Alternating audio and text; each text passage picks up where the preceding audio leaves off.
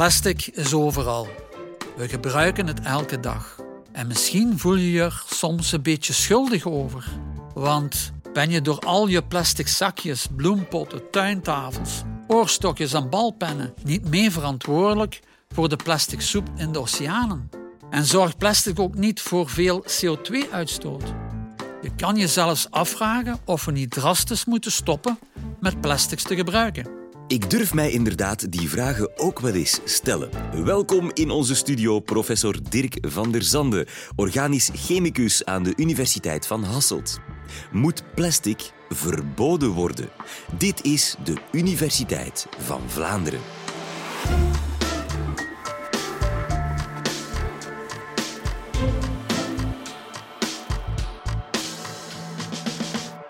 Wel, ik ben dus een organisch chemicus en ik doe onderzoek naar plastics, onder andere. En ik kan direct al zeggen dat het verhaal voor of tegen plastics niet zo eenvoudig is. En we moeten het brengen met de nodige nuance. En dat is wat ik de komende 15 minuten ga proberen te doen. Want inderdaad, plastics hebben zo hun problemen met het milieu. De plastic soep in de oceanen is daar een zeer zichtbaar en spectaculair resultaat van. 8 miljoen ton plastic belandt jaarlijks in de oceaan. 1 kilogram plastic op het strand betekent 100 kilogram plastic op de zeebodem. Verder zijn er overal verspreid ook kleine plastic deeltjes te vinden in water, aarde of soms in ons lichaam, die dan als microplastics bekend staan. Op dit ogenblik is het onduidelijk hoe schadelijk ze zijn of kunnen zijn. Er is een vermoeden dat de risico's beperkt zijn, maar zelfs dan kan je de vraag stellen of dat zo wenselijk is. Al die stukjes plastic overal. En naast het milieuprobleem is er ook een impact op het klimaat. Want plastic wordt gemaakt van aardolie. 10% van de aardolie dient voor alle materialen die we gebruiken. Niet alleen plastics, maar ook bijvoorbeeld al onze medicijnen. Maar langs de andere kant is een wereld zonder plastics moeilijk voor te stellen. Quasi onmogelijk. Denk maar eens aan wat er allemaal bij jou thuis staat dat gemaakt is uit plastic. Een emmer, tupperwarepotjes, je tuinstoelen misschien, een balpen of stel dat je computer of smartphone, als die uit metaal waren gemaakt, dan zouden ze een pak zwaarder zijn. Nu, dat zit vol grondstoffen. En plastic zit nog een veel meer dan je denkt. Denk aan onze kleding. Veel plastics kunnen natuurlijke materialen als katoen, wol en zijde vervangen. Kijk maar eens in je kleerkast. Zie je daar ergens polyester staan of nylon? Dan betekent dat dat je trui van plastic gemaakt is. Plastics dragen enorm bij tot onze welvaart en ons welzijn. Waarom? Wel, plastics zijn een groep van materialen met een enorm brede variëteit aan eigenschappen. Ze kunnen hard zijn, bijvoorbeeld een reiskoffer, net heel flexibel, bijvoorbeeld rubber, of heel licht. Zij kunnen natuurlijke materialen niet alleen vervangen, maar hebben soms zelfs betere eigenschappen dan natuurlijke materialen. Je plastic stoelen zijn bijvoorbeeld lichter dan de houten. En daarnaast, ook belangrijk, in principe plastics zijn oneindig voorradig. Want we kunnen het zelf maken. Plastic is namelijk opgebouwd uit koolstof. En koolstof is een heel toegankelijk en makkelijk beschikbare grondstof. Bijvoorbeeld in aardolie. Maar daarnaast, het zit ook in planten. Het zit zelfs in de lucht als CO2. Plastics zijn dus synthetische materialen die je chemisch uit koolstof kunt maken. Zo kan je eindige materialen vervangen, zoals bijvoorbeeld sommige ertsen. Denk aan tin, zink en misschien ook nikkel. Ook al is er soms relatief veel van, toch zijn ze eindig aanwezig op onze aarde. Bijvoorbeeld de voorraden aan tinertsen op aarde gaan nog maar voor een twintigtal jaren mee. Daarnaast zijn die grondstoffen ook niet eerlijk verdeeld over de wereld. België is bijvoorbeeld niet zo goed voorzien wat ons afhankelijk maakt van andere landen. Plastics zijn een complex verhaal. Soms kunnen plastics ervoor zorgen dat onze voetafdruk net kleiner wordt. Er zijn bijvoorbeeld plastics die vezels vormen, die sterker zijn dan staaldraad en die nu gebruikt worden om kogelvrije kleding mee te maken. Met zulke sterke vezels kan je in feite ook metalen vervangen in bepaalde toepassingen. En zo bijvoorbeeld auto's veel lichter maken, zodat ze minder brandstof gebruiken en dat we dan zo de CO2-uitstoot van auto's kunnen verlagen. Er zijn zelfs plastics die elektriciteit kunnen geleiden, waar je verlichting kunt mee maken, of zonnecellen om hernieuwbare energie mee te produceren. Soms is het gebruik van een plastic gewoon de beste keuze. Neem nu een boodschappentas. Een recente studie van Testanco heeft aangetoond dat een herbruikbare, stevige, vezelversterkte plastic boodschappentas de kleinste ecologische voetafdruk heeft. Beter dan boodschappentassen gemaakt uit stof, linnen of door papieren zakken te gebruiken. Natuurlijk, je mag die dan niet wegsmijten. Hè? Je moet die blijven hergebruiken. Maar dat is toch opmerkelijk. Je merkt al, plastics geen eenduidig verhaal. Dus algemeen verbieden? Nee, dat is heel moeilijk. Neem nu zoiets eenvoudigs als ons voedsel. Voedsel kan door geschikte verpakkingen langer bewaard worden en zo bijdragen aan het terugdringen van voedselverspilling. Neem bijvoorbeeld hesp. Slechts 5% van de klimaatimpact zit in de verpakking. Er zit dus heel veel energie in de productie van hesp. Het is enorm slecht om die dan te verspillen. En dan is die plastic verpakking misschien toch niet altijd zo'n slecht idee. Natuurlijk, het hangt af van het voedingsmiddel. Bij frisdrank bijvoorbeeld is de impact van de productie veel kleiner. Ook voor onze gezondheid zijn plastics essentieel, zelfs onvervangbaar. Denk bijvoorbeeld aan een ziekenhuis. Heb je al eens bij stilgestaan hoeveel plastics daar gebruikt worden om gewoon maar hygiënisch te kunnen werken, om besmettingen te voorkomen? Dan heb ik nog niet gehad over de plastics van baksters en die buisjes die gebruikt worden om medicijnen toe te dienen. Vaak zijn dat hele speciale plastics met eigenschappen die we niet kennen van andere materialen. Ze hebben dus echt unieke eigenschappen. Hier plastics weghalen zou een prijs hebben in termen van mensenlevens. Dus wat nu? Verbieden? Ja, zoals ik net heb aangetoond, is dat moeilijk. Maar alles bij het oude laten? Nee, natuurlijk niet. Want er is wel degelijk een probleem. We moeten dingen veranderen. Volledig akkoord. Maar hoe dan? Wel, nu, er zijn twee problemen die we best even apart moeten bekijken, maar die wel met elkaar te maken hebben. Enerzijds de impact op het milieu. Ons gebruik van plastics, ook al zijn dat unieke materialen. We beschouwen plastics vaak als wegwerpproducten. Letterlijk wegwerp. Je moet maar eens wandelen langs de kanten van de weg of de autostrade. Ja, dat mag niet. Hè? Wat er allemaal bij elkaar ligt. Terwijl we plastics net moeten zien als grondstoffen. Anderzijds de impact op het klimaat. Plastics worden gemaakt vanuit niet hernieuwbare grondstoffen, namelijk aardolie. En zo dragen ze bij tot de extra CO2-uitstoot en dus klimaatopwarming. En dat aangezien op het einde van hun leven ze vaak in een verbrandingsoven eindigen. Om het eerste te beginnen, we moeten goed kijken voor welke toepassingen we plastics gebruiken, nodig hebben. Waar wel en waar niet. Misschien moet niet alles omhuld worden met een plastic folie. In 2019 werd zo wereldwijd 368 miljoen ton plastic geproduceerd. De helft in Azië, een derde in China en in Europa, Europa is goed voor 58 miljoen ton. 40% van de in Europa gebruikte plastic gaat naar verpakking, zeg maar plastic voor eenmalig gebruik. Dat single-use plastic vormt in Europa 60% van de plastic afvalberg. Dag allemaal. Plastic is een gigantisch probleem. Vooral een afvalprobleem. Er wordt zoveel plastic geproduceerd dat maar één keer gebruikt wordt. Dus dat wordt als verpakkingsmateriaal of zo gebruikt. Hè. En dan wordt dat weggeworpen.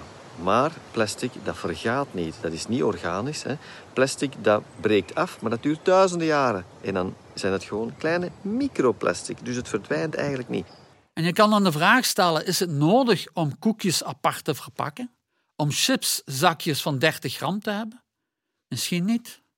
En dan heb ik het niet alleen over plastic verpakking, ook kleine dingen in karton verpakken is niet nuttig, want ook dat heeft een impact op je CO2-uitstoot. Eerst en vooral is er een mentaliteitswijziging nodig, waardoor je als individu zoveel mogelijk verpakking kan mijden. Natuurlijk zou het goed zijn, moest de industrie en ook de overheden hierin volgen. Eigenlijk moeten de producenten in de supermarkten dat beginnen inzien van er moet minder verpakt worden met plastic. Wij als consumenten hebben daar ook een stem in. Hè. Wij kunnen zeggen, wij kopen minder producten waar dat plastic rond zit en dan gaan zij wel volgen. Minstens even belangrijk is wat we met de plastics doen na gebruik. Een belangrijk probleem is inderdaad dat plastics rondslingeren in het milieu en dan via regen en de rivieren uiteindelijk in zee terechtkomen om bij te dragen aan die plastic soep in de oceaan. Dat moeten we echt vermijden. En dat kan door veel beter te recycleren en veel beter de recyclage van plastics te organiseren. Ik hoor je nu al denken, dat gebeurt toch al goed? Inderdaad. Er zijn voorbeelden waar dat heel goed lukt. Bijvoorbeeld in ziekenhuizen, waar alle plastic afval centraal verzameld wordt en dan rechtstreeks doorgestuurd wordt naar een afvalverwerker. Wat ook nog gebeurt, is dat wij als burgers ons plastic afval naar containerpark brengen en dat van daaruit de plastic naar recyclage wordt gebracht. Een deel van de plastic uit je PMD-zak kan gerecycleerd worden. Zo'n 80% van wat in de oude PMD-zak zat, wordt volledig gerecycleerd. Daar worden bijvoorbeeld tuinbanken en verkeerskegels van gemaakt. De overige 20% is afval dat bestaat uit niet zuivere materialen of moeilijk recycleerbare plastics. En dat verbranden we meestal samen met het gewone huisvuil. Hierbij komt extra CO2 in de lucht. Dat klinkt slecht. Maar bij de verbranding kan de energie die erin zit nog nuttig gebruikt worden. En dan slingert het plastic al niet rond in het milieu. Wij hier in West-Europa doen het vrij goed op het vlak van recyclage. Vuilophaling wordt hier tenminste georganiseerd. Toch kan en moet het nog beter. Daar moet iedereen zijn verantwoordelijkheid in opnemen. Nog meer moeten we iedereen bewust maken van het belang dat we plastics inzamelen en mensen motiveren om dat ook te doen. Waarom zouden we geen statiegeld op plastic flessen heffen? Op die manier kunnen we misschien zwerfvuil al reduceren. Natuurlijk, daardoor wordt er niet minder wegwerpplastic gebruikt. Moet ook gezegd worden dat dit niet voldoende is. We hebben goed praten met infrastructuur en een logistiek die in principe toelaat efficiënt te recycleren. Maar wat met de rest van de wereld? Afrika, grote delen van Azië. Misschien moet ontwikkelingshulp daar ook bijdragen tot het helpen uitbouwen van een infrastructuur die afvalverwerking en recyclage ook daar mogelijk maakt. We moeten ook inzetten op het ontwikkelen van technologieën die slimmer recycleren. Want eerlijk gezegd, nog te dikwijls, eindigt verzameld plastic afval, bedoeld voor recyclage, uiteindelijk toch nog in een verbrandingsoven. Zo moeten we bijvoorbeeld de technologieën ontwikkelen die plastics afbreken tot hun bouwstenen. En dat we deze bouwstenen terug inzetten om nieuwe materialen te maken. Dus we kunnen nog heel wat doen om de milieu-impact van plastics te verkleinen. En dan het tweede aspect. Wat was dat nu weer? Ah, het klimaat. Ja, plastics dragen bij tot de extra CO2-uitstoot, omdat ze gemaakt worden uit fossiele grondstoffen, zoals aardolie. Kan je dat anders doen? En wat als aardolie op is, is het dan ook gedaan met de plastics? Niet noodzakelijk. Zoals ik al zei, zijn plastics hoofdzakelijk opgebouwd uit koolstof. En dat zit niet alleen in fossiele grondstoffen, maar ook in hout, stro, algen, als je wil vet. Dat noemt men biomassa. Omdat al deze stoffen op een of andere manier afkomstig zijn van levende organismen.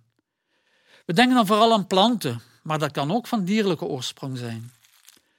We zouden ook die biomassa als grondstof kunnen gebruiken om de plastics die we echt nodig hebben te maken. Wat als biomassa ons de bouwstenen kan leveren om plastics te maken? Bio-based plastics. Klinkt goed, niet? Maar is er wel genoeg biomassa voor? Want als je plots alle plastics zou willen maken uit biomassa, betekent dat natuurlijk ook dat we die biomassa moeten hebben. Het moet toch uiteindelijk duurzaam zijn? Wel, om onze nodige materialen bio-based te maken, is er wel genoeg om duurzaam hierop te rekenen. We moeten wel zorgvuldig, of noem het verstandig, gebruik maken van biomassa.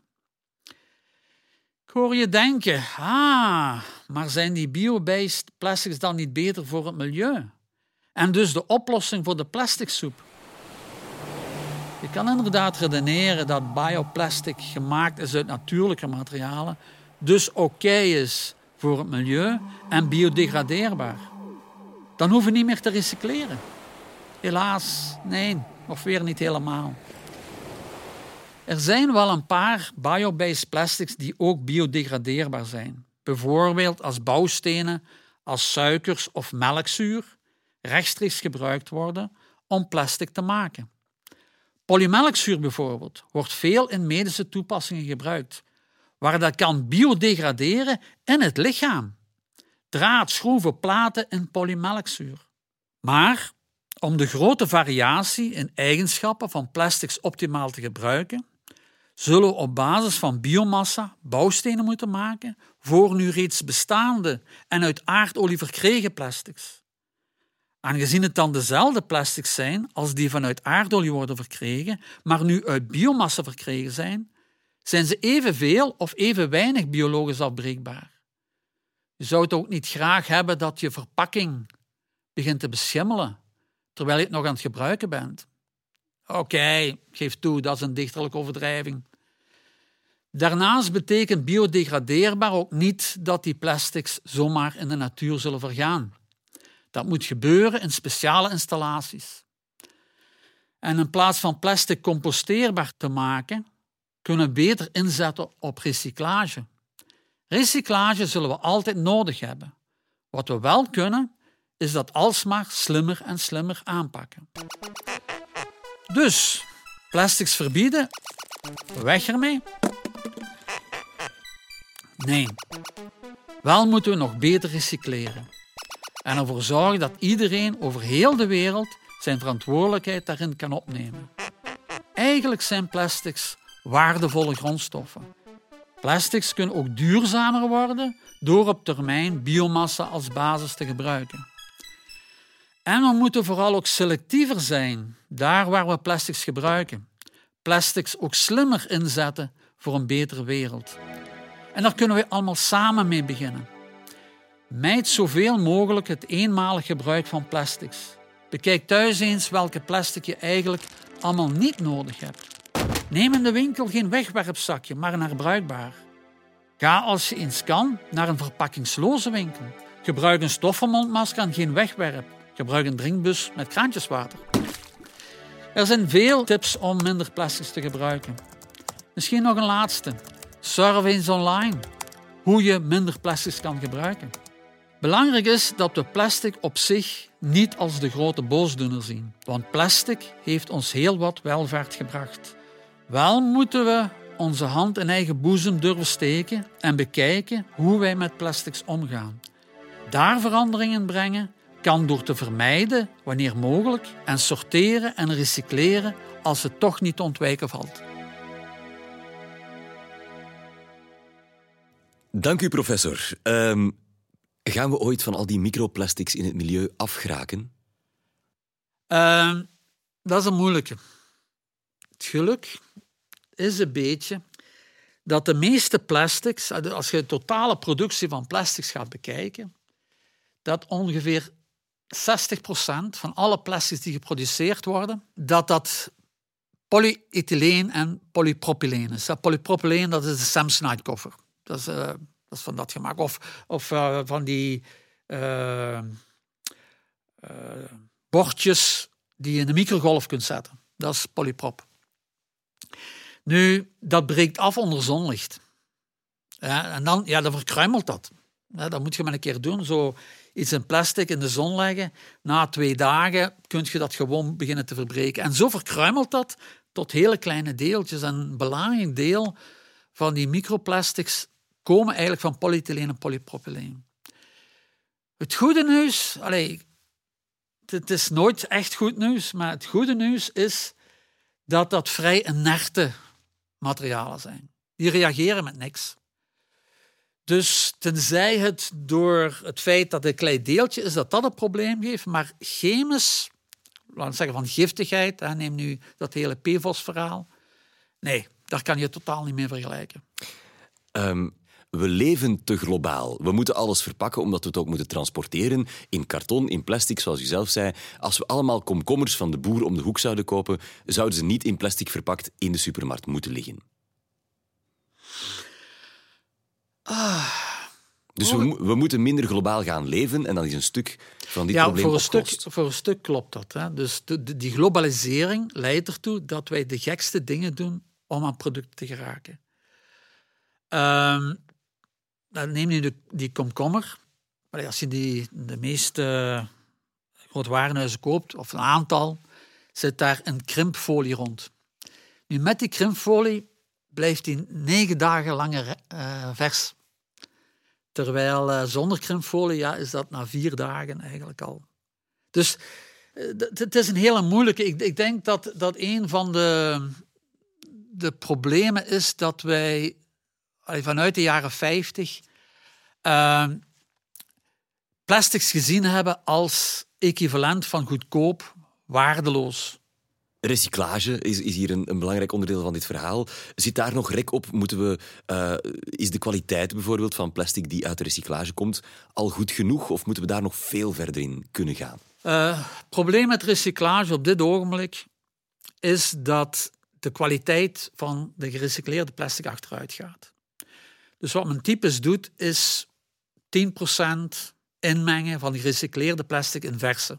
En die verse, ja, die komt dan van aardolie. Ja.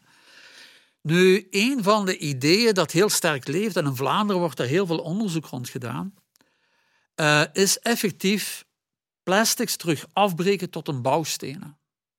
Bijvoorbeeld polyester of nylon. Dat kan in principe met een relatief eenvoudige techniek uh, afgebroken worden tot oorspronkelijke bouwstenen, die je kan zuiveren dan en opnieuw gebruiken. Dat is de, dat is de ideale wereld. En daar, daar moeten we uh, vooral op inzetten. En dat, dat is vooral een economische factor. Dus die technologie bestaat voor een deel. Maar als je dat, de kostprijs daarvan vergelijkt met vers materiaal, is de discrepantie nog veel te groot. Dus als dat, naarmate de aardolie duurder wordt, kan het zijn dat op die manier die bouwstenen waardevoller worden of op waarde kunnen geschat worden. Dank u wel, professor Van der Zanden, voor dit leerrijke en belangrijke brandend actuele college. Als jij ook op de hoogte wil blijven van het interessantste wetenschappelijk onderzoek, vergeet je dan zeker niet te abonneren op dit kanaal en volg ons ook op Instagram, Facebook, Twitter en YouTube. Heel graag tot een volgende keer.